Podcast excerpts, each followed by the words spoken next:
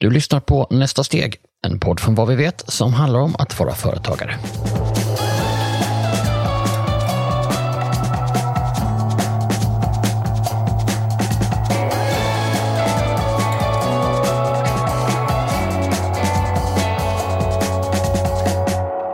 Dagens avsnitt handlar om det där första steget, vilket i många fall handlar om att man startar något vid sidan om. Hur får man tid till det?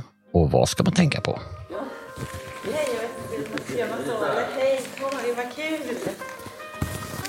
Den som just kom in med andan i halsen några minuter sen är Karin Svensson. Hon berättade att de var oväntat långsamma på sushi-restaurangen där hon stannade till för att köpa lunch till oss och därför är hon sen. Vi ses över lunch på en företagsinkubator i Karlskrona. Ja, alltså jag sitter här en dag i veckan ungefär. Eller nu har vi ett, eh, lite sämre med det. Ja. Eh, Men annars så har jag mitt ordinarie jobb som är Det är därför vi ses under lunchen. Hon jobbar på sitt vanliga jobb idag och hon ska vara tillbaka där om cirka 47 minuter. Men har du så att du tänker att du har ditt ordinarie jobb och så har du det här andra vid sidan om. Just det. Men jobbar du fulltid på ditt ordinarie och sen det andra vid sidan om? Nej, jag jobbar 80 procent på mitt ordinarie. Och sen så jobbar jag, ja, det Bäst. jag kan. Ja, resten. Ja.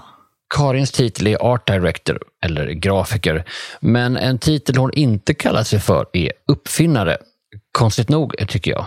Men hur startade du? Liksom, och berätta om ditt ordinarie jobb. Vad är det för en typ av verksamhet? Vad gör ni där? Det är ett industriföretag som tillverkar eh, tätningsprodukter. Då jobbar jag där för att eh, försöka föra ut eh, denna fantastiska produkt och sen så vid något tillfälle så får du tanken att du ska starta någonting vid sidan om. Ja, nu har det gått så lång tid så jag kommer nästan inte ens ihåg hur det gick till. Men eh, när jag tänker tillbaka nu så är det ju så här att det här företaget som jag jobbar på, de har ett eh, gummi där som är väldigt kvalitativt och eh, välutvecklat skulle jag vilja säga. Och då så blev det lite gummiavfall, så lite restprodukter. Då började jag tänka ut hur skulle man kunna ta tillvara på det. Och ehm, efter ett tag så eh, hittade jag en eh, skön produkt som jag kände att det här är nog någonting att jobba vidare på. Och det var inte så att jag tänkte att äh, nu ska jag starta upp ett eh, företag. Inte alls. Eh, jag är ganska försiktig av mig. Och, ja, men man pratar ju med kompisar och vänner och, och visar lite. Och jag tänker så här, vad tror du om det här? Och klart du ska kränga den. Vad är det för produkt? Det är en produkt som man kan använda för att hänga upp gardiner utan att sy. Då är det en gummiremsa som är stansad och sen så trycker man i eh, en hållare som håller sådana här neodymmagneter. Så eh, genom att trycka i dem så får man liksom en slags gardinhållare och sen så slämmer man fast tyget mellan den och eh, stålgardinstången. Så det är jättesmidigt att bara upp med den. Kan ta ett lakan om du vill eller en duk och hänga upp. Och för den som nu tänker att det där låter rasande fiffigt så ska jag säga att det är just vad det är.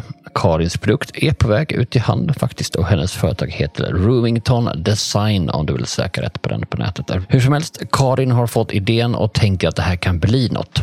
Varför går du inte till din chef på det här eh, gummiföretaget och säger borde vi inte göra det här också? Ja, men eh, jag jobbar på ett väldigt bra företag, det skulle jag säga. Men det ligger ganska långt ifrån eh, vad de säljer. Så jag tror att hoppet därifrån blir alldeles för stort. Men diskuterar du det med dem? Nej, det har jag inte gjort så. Jag har ju visat det och jag har fått eh, okej på att eh, det är okej att jag sitter och filurar lite på min kammare. Men eh, inte annat. Och den här gardingrejen, ja det är faktiskt inte den enda idén hon har kommit på. Ja, men jag tror nog att jag är ganska grym på att komma på idéer. Jag har ju fler produkter som eh, i en liten påse. Så det är nog, där känner jag mig ganska trygg. Som sagt, Karin är uppfinnare. Karin är Skalman, full av fiffiga idéer. Ja, minus mat och sovklockan då. Hur som helst, jag frågar Karin när det är rätt läge för henne att ta nästa steg och växla upp. Jag kan inte säga det just nu, för jag trivs så himla bra på mitt jobb också och jag känner att det är en trygghet. Men det är klart att går det bra så måste man ju kanske ta och tänka efter vad, vad är nästa steg. Och hur har du definierat går det bra? Nej, men om det skulle vara så att produkten verkligen börjar sälja ordentligt, att det blir en framgång på det sättet. Som företagare har man framgångar och motgångar om vartannat och av olika storlekar. Ibland är det skitsaker som man hänger upp sig på och särskilt när man har mycket att göra. Medan Karin pratar så tuggar jag sushi, men när jag pratar äter hon ingenting eftersom hon har fått en motgång. Sushirestaurangen har glömt att skicka med soja och Karin kan inte äta utan soja, berättar hon och ser irriterad ut. Känner du att det blir för mycket ibland? Eller känner du, har du, hur hanterar du det? För det vill ju, tycker ju alla att det blir jättemycket och då tänker man ska ha sitt vanliga jobb. Och har du någonstans, nu har du tagit in en kompanjon, men har du någonstans gjort så här, "Ah, det är så här mycket tid det får ta och sen får det ta den tid det tar? Ja, så är det faktiskt. Jag känner det att jag vill inte hålla på och pressa mig för hårt för detta, utan det är den lyxen jag har. Jag har ingen som står över mig med blåslampa. Och jag får lägga den ribban själv. Och det är faktiskt väldigt skönt. Så om det skulle gå till helvete att ingen vill ha den här grejen, då är det ingen jättekatastrof. Nej, verkligen inte. Fast det är klart att de vill ha den, tänker jag. Varför gör du det här? Vad är din drivkraft? Alltså jag är så otroligt nyfiken. Jag tror att det som driver mig är att jag är väldigt kreativ. Inredningsprodukter för mig, ska jag tycka att det är väldigt bra så ska det inte bara vara snyggt, utan det ska fylla en gärna en vardagsfunktion, alltså lösa ett vardagsproblem och eh, gärna mer än ett. Alltså att den kan vara multifunktionell. För mig tror jag att det är utmaningen i att ta fram något som är genomtänkt och fiffigt. Man behöver inte spendera mer än en lunch med Karin för att känna att hon är ganska genomtänkt själv. Har hon kommit på att sushi smakar cirka 200% bättre med soja än utan, varför ska man då sitta och fylla munnen med kroppstempererad lax på ljumma risbollar eh, som jag gör? Och kanske ligger också något i det där med att göra saker på sitt sätt, att själv få bestämma, som gör att man orkar mer. För även att driva företag vid sidan om kräver förstås otroligt mycket jobb, konstaterar Karin. Det är otroligt mycket jobb bakom. Så att det gäller att hitta någonting som man känner att ja, men det här tror jag på. Det här vill jag lägga ner tid och engagemang på.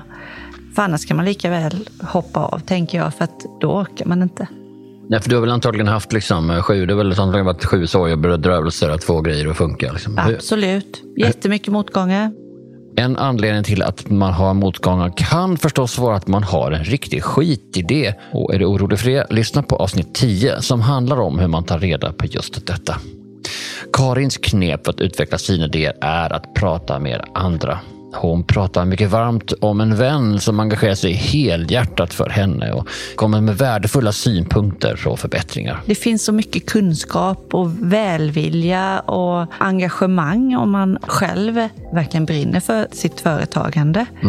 Och sen nu då så har jag ju bestämt mig för att, eller jag och min vän då som har bestämt oss för att göra detta ihop. Det har också lyft mig jättemycket. För man är väldigt ensam. Och det, jag vet inte, i mitt fall så är det så här. Nu har ju det varit pandemi och med allt vad det innebär. Och då känner jag att för min del så kommer jag lättare fram framåt i möten. Om jag träffar människor och jobbar med människor dedikerat kring ett problem så tycker jag det är lättare att komma framåt än om man sitter själv. Det kanske är en uppförsbacke och en så börjar ta tag i vissa delar. Och nu har ju det varit en pandemi, eller fortfarande är en pandemi, och lite svårare att träffa varandra. Men det är också, tycker jag, en lärdom. Se till att, interagera med andra människor. När Karin ser tillbaka på den första tiden verkar hon ångra att hon inte tog modet till sig och vågade prata om det. Utan Jag du- var lite sådär, smög runt i, i korridorerna och, och gömde mig lite med den här snodde i gummispill. Karin tittar på klockan nu, så att jag frågar avslutningsvis om hon har något råd och hon önskar att hon fått någon funderade på idén. Nej, jag tror att jag fått det här innan, men det är nog att eh, ensam är ju inte alltid så stark. Utan eh, se till att eh, träffa olika typer av människor. Bara prata om företagande och, och våga ställa frågorna. Ingenting är ju för dumt, även om man själv tror det. Så fråga och eh, utsätt dig. Sa Karin Svensson som driver Roomington Design, ja, lite vid sidan om. Ibland har jag tänkt att när man bestämmer sig för att bli företagare är det nog lite som att bestämma sig för att tävla i triathlon eller någon annan sportslig utmaning. Man förstår att det är möjligt men man fattar kanske inte riktigt vilken tid det tar eller hur man ska agera för att nå sitt mål. Men det kanske en Ironman-coach kan hjälpa oss att förstå. Mer om det efter det här.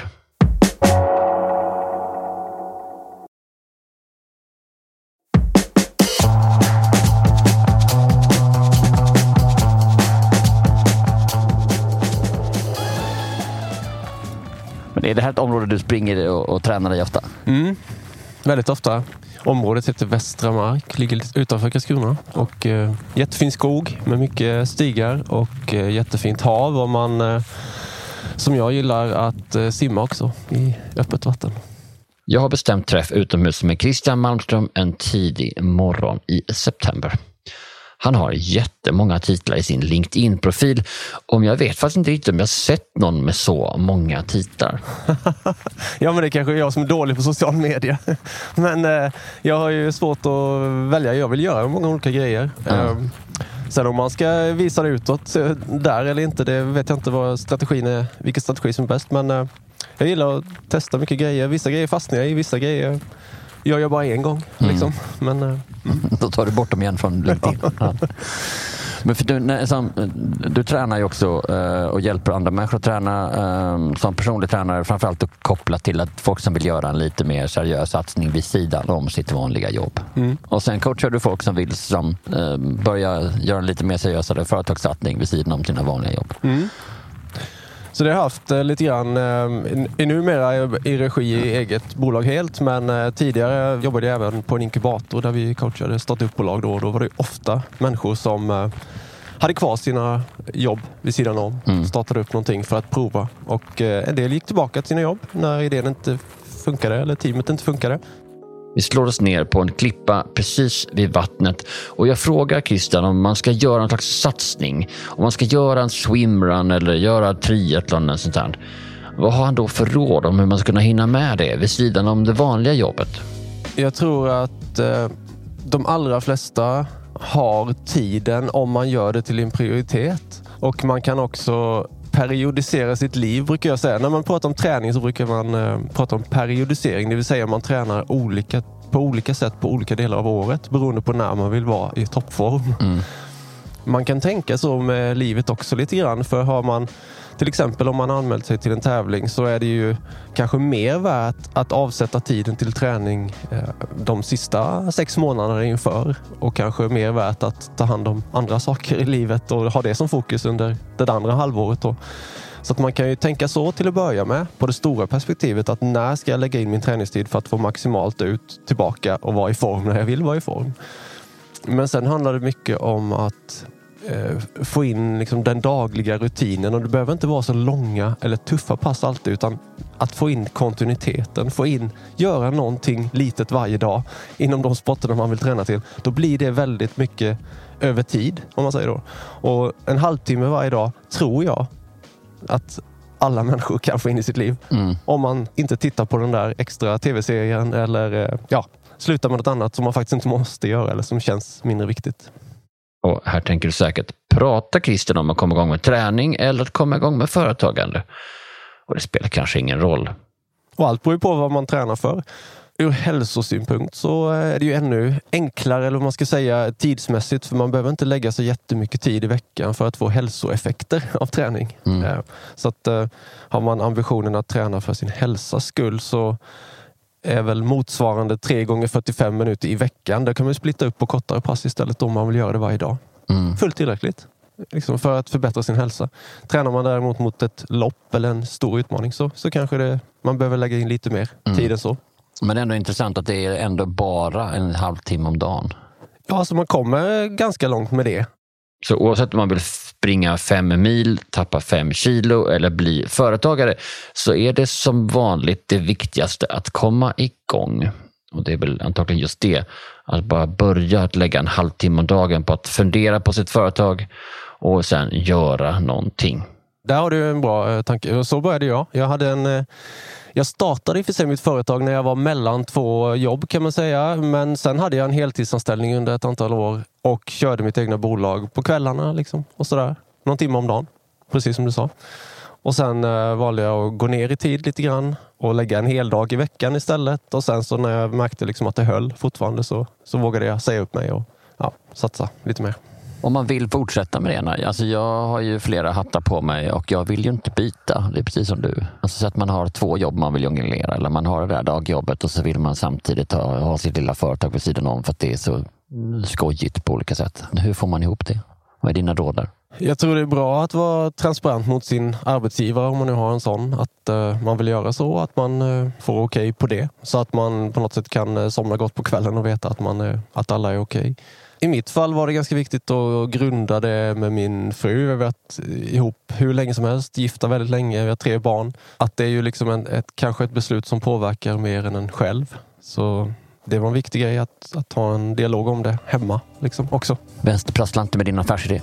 Ja, man kanske kan göra det, provtrycka någonting några månader eh, ja. för att se om det håller. Men när man väl ska satsa på det eller liksom gå ner i tid på något annat eller när det påverkar någon annan så, så kan det väl vara vettigt att prata om det i alla fall. Den som känner mig vet att det finns ett ordspråk som operadivan Birgit Nilsson hade och som jag gjort till mitt. Värp först, kackla sen. Så himla bra faktiskt.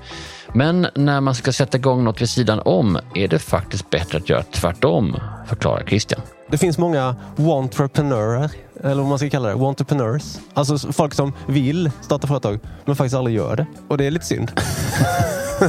vad man nu vill kalla den typen av människor.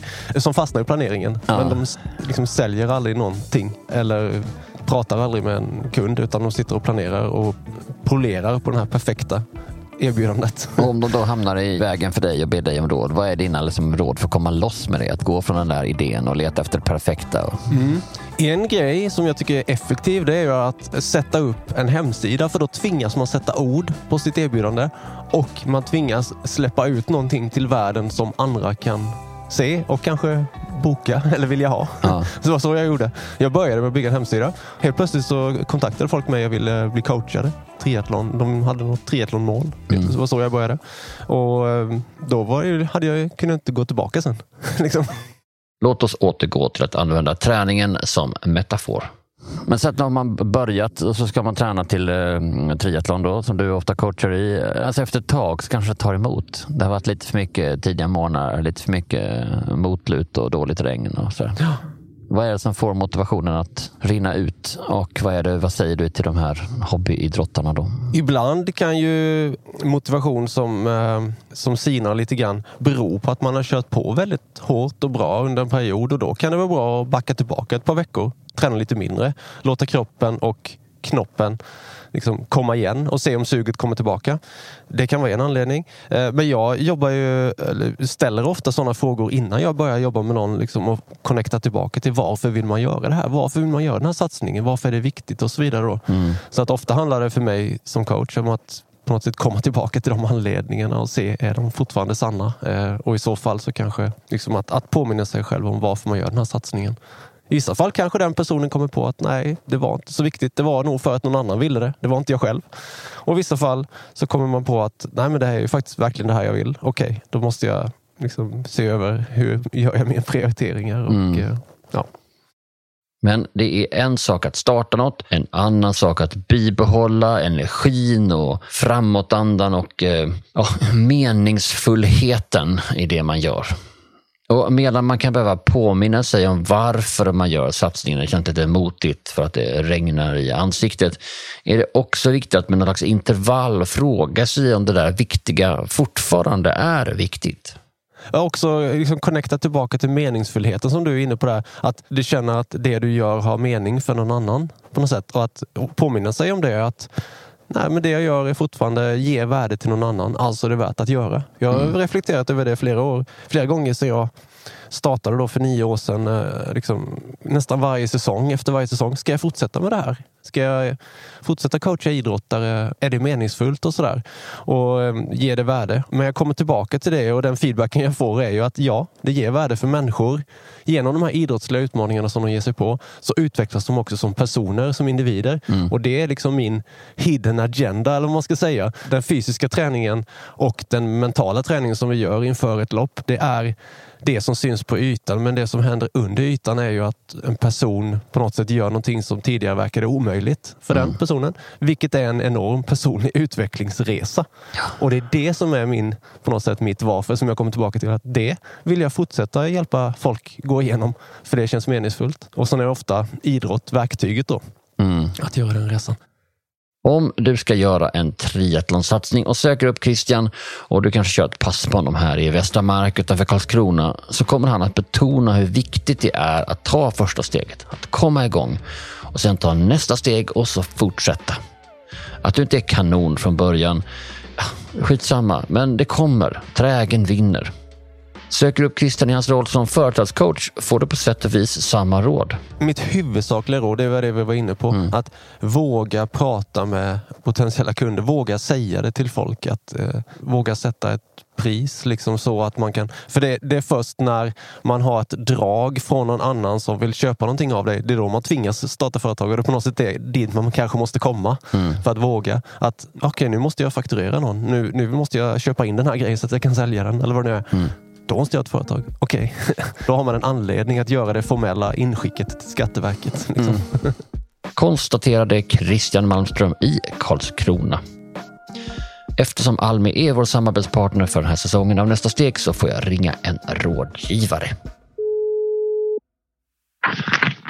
Välkommen till Almi. Du pratar med Joakim. Tjena Joakim, det här var Per Granqvist från podden Nästa steg. Hejsan, hej Per. Joakim Sandell har sett många starta företag vid sidan om och ännu fler funderar på att starta något vid sidan om. Så jag frågar vad han tycker om det. Alltså, om vi börjar med hur man hanterar sin arbetsgivare. Det är ju ofta ett utmärkt sätt eh, om man har en idé som har en lite längre startsträcka. Och vi brukar väl säga till eh, de tipsen vi ger, det är ju det att eh, man ska kolla vad man har skrivit för några avtal med sin nuvarande arbetsgivare. Mm. Och eh, det finns ju en lag. Eh, om, det är, om vi säger att det är ett innovativ idé så finns det ju någonting som heter lagen om arbetsgivares rätt till arbetstagares uppfinning. Joakim säger att tydlighet mot arbetsgivaren är A och O. En sak vi inte pratat så mycket om hittills i avsnittet är hur sidoverksamheten kan påverka privatekonomin. Hur, hur smart är det där med att liksom gå ner till 80 procent eller gå ner lite i tid för att satsa på sin grej? Ja, det är ju nästa steg när man väljer att ta det steget. Men då ska man ju tänka på att det här med den här SGI-nivån, alltså sjukpenninggrundande inkomsten och det sjunker. Mm. Om man inte har hunnit få in intäkter i sin egen verksamhet. Och pensionsinbetalningar och så vidare. Så man tänker på det. Jag berättar för Joakim om den finansiella oro jag själv känt i perioder när det inte gått så bra för vad vi vet. Om hur det påverkat familjens ekonomi och mitt humör. Joakim säger att det är lika viktigt att stämma av med familjen som med arbetsgivaren innan man gasar. Det som är viktigt är att man, om man har familj och så, att man gör upp någon form av plan med dem och sätter gränser där vi, vad, vad är balansen? Hur lång tid kan jag hålla på med detta innan det liksom tar för mycket energi från annat eh, och att eh, ja, det blir skilsmässa och grejer och sånt. Det är ju liksom inte värt det. Sen svar på frågan hur lång tid ska man hålla på att köra vid sidan om? Det är omöjligt. En del kör väl vid sidan om eh, i tio år innan de bestämmer sig eller bestämmer sig för att inte köra. Medan andra kanske flyger jättefort. Så att det där är väldigt, väldigt individuellt. Det finns säkert lika många svar på det som det finns affärsidéer. Mm. Och det gäller inte bara tidsfördelningen utan också ekonomin, förtydligar Joakim. Hur mycket ekonomi, hur mycket resurser ska eh, uppstarten och eh, utvecklandet av den här idén eller företaget få ta? Det är också, ska man skuldsätta sig? Det är också en viktig grej. Och samtidigt om man har familj så är det viktigt att man kommer överens då med, med resten av familjen, med frun eller mannen att det här är okej. Okay. Och sen hela tiden se till så att man har den här nödutgången om det skulle skita sig, om det skulle gå åt helvete. Man märker att nej, det här funkar inte, det här kommer inte flyga. Då ska man inte ha skuldsatt sig eller åtagit sig så mycket så att man inte kan gå ut genom den här nödutgången så att säga.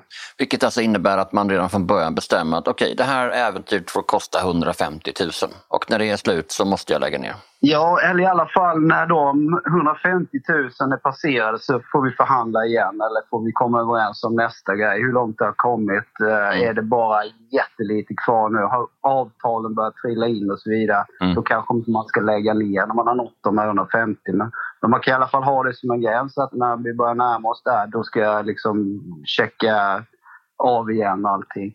Stort tack för att du tog dig tid. Ja, tack själv. Du kanske känner någon som just dragit igång ett företag vid sidan om eller funderar på att göra det. Tipsa dem om det här avsnittet genom att använda dela-knappen i din poddapp och välj om du vill messa eller mejla eller en rad andra sätt. Delar du sociala kanaler? Ja, men använd då hashtaggen nästa steg. Missa för övrigt inte nästa avsnitt. Klicka följ eller prenumerera i din poddapp så får du avsnittet så fort det släpps. Jag vill också tipsa om att följa den här poddens konto på Insta kallat www företag där vi också delar med oss av knep som inte får plats i podden. Tack för idag. Nästa vecka är det dags för ännu ett avsnitt där vi följer en företagare som är på väg att ta nästa steg. Till nästa gång, ta hand om dig och eh, dra igång något på sidan vet jag.